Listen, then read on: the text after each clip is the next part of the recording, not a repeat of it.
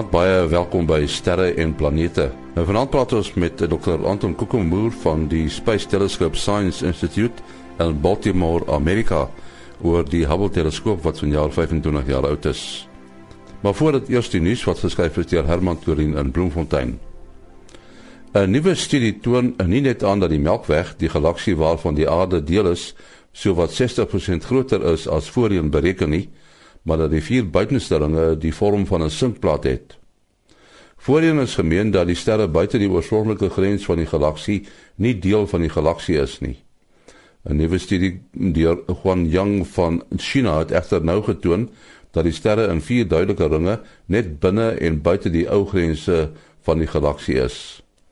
Rekenaarmodelle toon dat die rimpel-effek in die laaste vier ringe die gevolg kan wees van 'n dwerggalaksie waardeur die Melkweg geval het.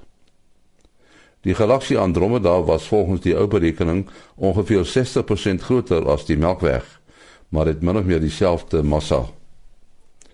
'n Elektroniese seil wat ruimteskepe vinniger as ruimtetuie met konvensionele brandstof kan laat trek, is pas by wyse van spreuke afgestof toe 'n artikel daaroor in die vakjoernaal Acta Astronautica verskyn het. Die seil is reeds in 2008 deur die Fin Dr Pekka Janhunen ontwerp. Die seil bestaan uit dosyne lang geleidende filamente. 'n Elektrongeweer aan boord skep dan die veld wat teen die sonwind druk. So hy sou net 5 jaar neem om Pluto te bereik. Ongeveer die helfte van die tyd wat dit New Horizons neem wat in Julie by Pluto verwag word. Tot sover ruimtenis. En nou Kobus Olkers uit Florida in Amerika. Goeienaand en goeienaand luisteraars. Ja, ons het hierdie week 'n baie besige son aan ons. Ons het 'n aktiewe area wat nou besig is wat nou reeds oor die kant van die son gekom het. Uh die stilte is nou verby. Ons het al reeds 'n uh, X-fakkel of 2 gehad. Ehm um, wat del ons uh ons dienste beïnvloed het. Ons het ook hierdie week reeds uh 'n koronamassa uitbarsting van 'n filament afgehad wat vir ons 'n bietjie uh, interessante werkings gegee het met langafstand kommunikasie. Uh verder is daar 'n uh nie so intens nie maar 'n baie groot korona gat op op die ewenaar uh wat nou reeds vir ons 'n dag of twee uh aktiewe uh magnetiese aktiwiteit gee. Ehm um, en ons aktiewe area wat nou net oor die oor die kant gekom het, gaan ook definitief vir ons nog ten minste uh 'n paar dae, ek sou sê ten minste 9 dae of so, uh nog aktiwiteit gee. So moet my hierdie week nie te veel vir vir by almal kla as jou as jou selfoon nie goed werk of jou internet of dalk selfs uh later in die week uh as jy kragprobleme het nie. Uh dit is maar my storie vanaand. Uh goeienaand. Dit was Kobus Olkers in Florida, Amerika. Nou ons uh, gesels nou vanaand met Anton Kokemoer uh, daar in Baltimore in Amerika en uh, hy werk by die uh, Space Telescope Science Institute, die mense wat primêr met die Hubble teleskoop werk. En ons uh, praat 'n bietjie met hom as iemand wat uh, baie werk doen wat die Hubble teleskoop betref en natuurlik die Hubble teleskoop wat uh, wat van jare kwart eeu oud is. Uh, Anton, uh, if you had to look back, uh, how long have you been involved with work on the Hubble telescope? Uh, about uh, 20 years at least, uh, somewhat longer maybe. Uh, just a few years after it was launched. And I've been at the Institute here for almost 20 years. Hmm. And, and if you had to highlight some of the, uh, the, the, points that you, uh, uh, you know, in the history of the Hubble, what would that be? Sure. so it, it had many exciting discoveries. I think some of the highlights have been uh, the discovery of the accelerating expansion of the universe, the fact that uh, we actually have uh, the, the, the, expansion actually not not just constant but actually increasing, uh, the so-called dark energy. Uh, I think that's one of the key discoveries from it, from the supernova studies. Uh, also, another interesting discovery is the fact that almost all galaxies seem to have black holes at their centers. that's one of the key discoveries that Hubble has made. And then I think finally some of the uh, exoplanets, uh, we've discovered many hundreds or even thousands now of planets outside our solar system. Uh, Hubble has been contributing uh, key observations to that. And then also the very big surveys of the distant universe, so things like the Hubble Ultra Deep Field, uh, and also the frontier fields that we're actually doing now that's continuing on from the Ultra Deep Field. Uh, these are teaching us about the very early universe and letting us discover galaxies that have formed just a few hundred million years after the Big Bang. So Hubble really is pushing the frontiers both in the distant universe and also in our own galaxy with uh, all the planets that are being discovered. Now, now the, the telescope is now a, a quarter of a century old. Has it got a shelf life? Yes, it's an interesting question. Uh, I think one of the very no, novel things about Hubble is the fact that the astronauts have uh, regularly gone up to repair old instruments and put new instruments on, and also just to maintain the telescope. Uh, the last servicing mission was in 2009. Uh, there have been about uh, five of these so far, and every time the astronauts have gone up and installed different uh, components on the telescope. And so the, the most recent one actually installed uh, two new instruments, uh, one of which is the Wide Field Camera 3, and that has really enabled us to revolutionize the studies of the distant universe.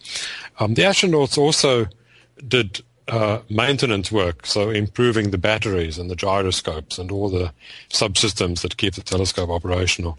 And so the last servicing mission was really aimed at fixing up all the things that Hubble needed to operate as long as it can.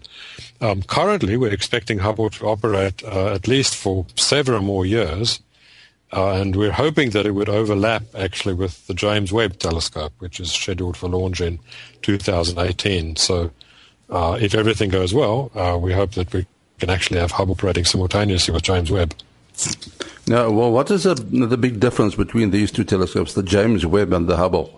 Sure. Uh, so the biggest difference is the mirror size. Um, the, the, mirror for Hubble is, is a single piece of glass, uh, circular. It's about two and a half meters across. And the whole size of the Hubble telescope is just a bit bigger than a bus, actually. Uh, the James Webb has a total mirror collecting area that's almost 10 times the area of Hubble. The, the, total diameter of that mirror is more than six meters. And so you've got an area that's almost uh, 10 times larger. And this mirror is actually not a single piece of glass. It's made of 18 different segments. Uh, each one is about 1.8 meters across. So in a sense, each of these mirror segments uh, contributes to make a final, uh, very large a homogeneous mirror, uh, which can then have much more light gathering power than Hubble. And so James Webb has a much bigger mirror. Uh, it's also a bigger structure. Uh, it has a large sun shield that uh, shields the sun, uh, which is about as big as a tennis court. So it's a much bigger telescope altogether. Uh, it's optimized for infrared observations. so Hubble can see some infrared, but just what we call near infrared, just slightly redder than your typical visible red wavelength.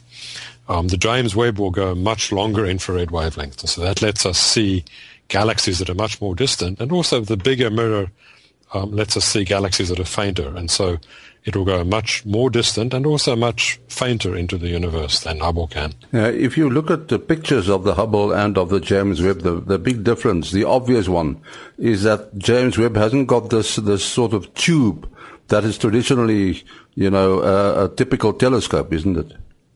Yes, that's right. Uh, James Webb, the, the mirror basically sits exposed on the other side of that large sun shield. And because the sun shield uh, is really there to keep the instruments cool, because James Webb observes in much longer wavelengths in the infrared. So that means that the instrumentation uh, actually needs to be kept a lot cooler than we do for Hubble.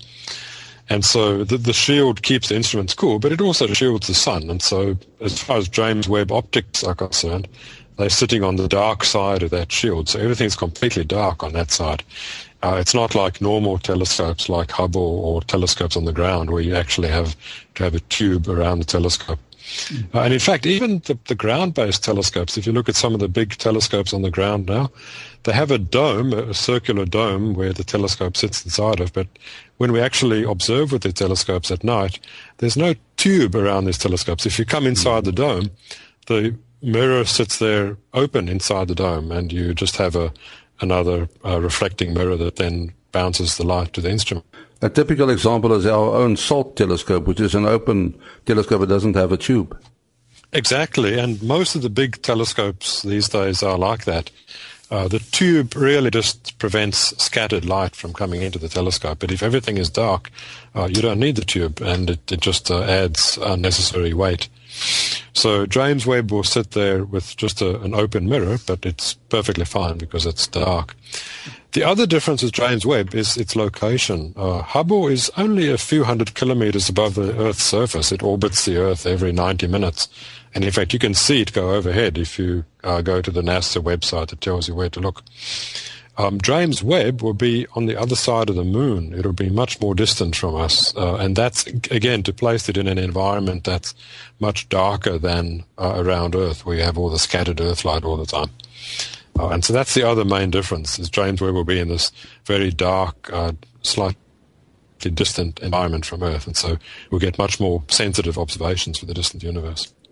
So you have to travel quite a, quite a distance to service this telescope. Uh, yes, and so at the moment there are no formal plans to service it. Uh, James will basically be launched and will be put in operation on the other side of the moon. And there are other smaller telescopes like that that we've actually launched. Um, there's one called Spitzer that's been in orbit for over a decade, and it's slowly, it's in a different kind of orbit, but it's also uh, just been observing, and no one has ever gone up to service it. And there are other telescopes too. Uh, Chandra is an X-ray telescope, and uh, a range of others. Um, Hubble is unique in the, the Hubble is the only one that the astronauts have ever serviced. Uh, but James Webb will be uh, like the other telescopes; it will just be launched, and we'll use it for as long as we can. Uh, obviously, you also you analyze what comes down from Hubble, the, the, the data and so on. But who manages the software? Is it also done from your place? Yes. So our institute, uh, where I work, uh, is involved with effectively all aspects of running Hubble, uh, except for the, the the very small step of the actual engineering, where you send the commands back and forth to the telescope. That's still done by a team at Goddard at NASA Goddard Space Flight Center. Um, but all the other aspects of it, from uh, working on the data and from uh, scheduling the observing programs on the telescope, and also doing the astronomy science, uh, that's all done at the institute here. And so. Uh, my work, for example, has been to make these images of things like the Hubble Ultra Deep Field or bigger surveys. Uh, Cosmos survey is another one where we area that was two square degrees, which means uh, 10 times the area of the full moon. You could fit uh, uh, uh, several full moons in this Cosmos survey area. We covered the whole area with Hubble, uh, which gave us 2 million galaxies. And currently we're doing uh, this Frontier Fields survey. Let me say a word or two about that. that's basically aiming to go deeper even than the Hubble Ultra Deep Field. We've picked a total of six different clusters of galaxies, which are distant clusters. And what these clusters do is that they can bend the light. They act like a gravitational uh, lens in a, in a sense. Um, the gravity of the galaxies in the clusters is so strong that it can bend and focus the light from distant galaxies behind them. Uh, so it's like using a, a, cosmic telescope in a sense. And that lets us look at galaxies behind these clusters that are very distant uh, in the very distant universe and that can go much fainter than the galaxies we saw with the Hubble Ultra Deep Field. So that's the project we're doing with Hubble at the moment, in fact, is to push deeper than the Ultra Deep Field with these uh, six clusters. And we're doing them in a number of epochs. The whole project is taking about three years to complete. Mm. If you if you look at the images that you, know you see on on the internet, uh, the NASA sites, the Hubble sites, they're very colorful and uh, and and spectacular. But the images that you get downloaded are they uh, in fact uh, the, the colors that you see on on the internet? So the when we observe with Hubble, uh, any given instrument with Hubble or, or any camera uh, can only see one wavelength at a time. We observe well, them by placing a, a, filter in front of the instrument.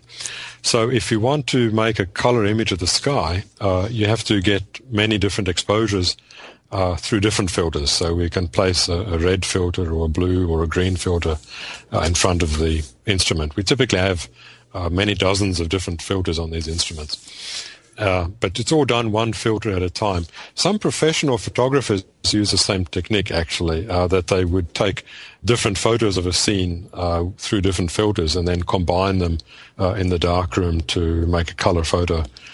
Uh, that was before the advent of the CCDs that are now used in cameras. So it's still very much like that. And the reason for that is just because we can get much better uh, observations and much more information about galaxies when we break them out into different colors like that. So we get these initially single filter images from the telescope. Uh, and also when we go deep, like with the Hubble Ultra Deep Field, we get many exposures in a given filter. So our work on the ground here involves combining all the different exposures in a given filter or at a given color. And then once I've got the full depth images in all the different uh, color filters, then we can do the step of combining them to make the color images that you see. And the color images are generally aimed at being true color in the sense that if you were to look at the sky and if you had enough sensitivity and if you could zoom in on these objects, then you would see them with colors like the ones that we actually use when we make these images. So the idea is to make them true to, to life colors, which actually helps us also in doing the astrophysical interpretation. When galaxies are blue, it means that there are blue stars, which are young hot stars, for example. Um, if galaxies are red, it means there's a lot of dust which absorbs the light, just like you see with the red sunset. So the colors mean the same things to us when you look at galaxies as they do when you look at things on Earth. To the James Webb again, the, the work that the, uh, the James Webb uh, is destined to do, will that in a sense not duplicate what uh, Hubble is doing? Yes, so James Webb, because it's optimized to look at much longer infrared wavelengths, it will certainly go beyond what Hubble is doing in the sense that we'll be able to look further into the distant universe and we'll be able to find fainter galaxies. James Webb doesn't have the, the blue and optical sensitivity that Hubble does. So in fact, much of our surveys with Hubble, and in fact we're discussing this now in the astronomical community for the next few years with Hubble, uh, are aimed at using Hubble to lay the groundwork for James Webb in the sense that we can obtain very deep observations of these fields with Hubble that would actually serve as a as a good reference point in blue and invisible light uh, and so that James Webb can then observe this with infrared light and complement what Hubble is doing in the optical and in the in the blue. So in a sense yes scientifically James Webb will go further than Hubble but it needs to uh, stand on the observations of Hubble in order to do that. It can't do that by itself. So, so uh, uh, the Hubble won't become obsolete. That's correct. Uh, Hubble, uh, even if the two are operating together, uh, Hubble will still have a very unique contribution in the sense of probing very deep observations in visible light and in blue and ultraviolet uh, that the James Webb just can't reach. So the two can work together very well. Ja, ons sê baie dankie aan uh, Anton Kokemoer daar van die Space Telescope Science Institute wat uh, vanaand kom gesels het oor die Hubble teleskoop wat uh, 'n hele 25 jaar oud is. My kontakbesonderhede is maas.henny@gmail.com. maas.henny@gmail.com. Tot volgende week. Mooi loop.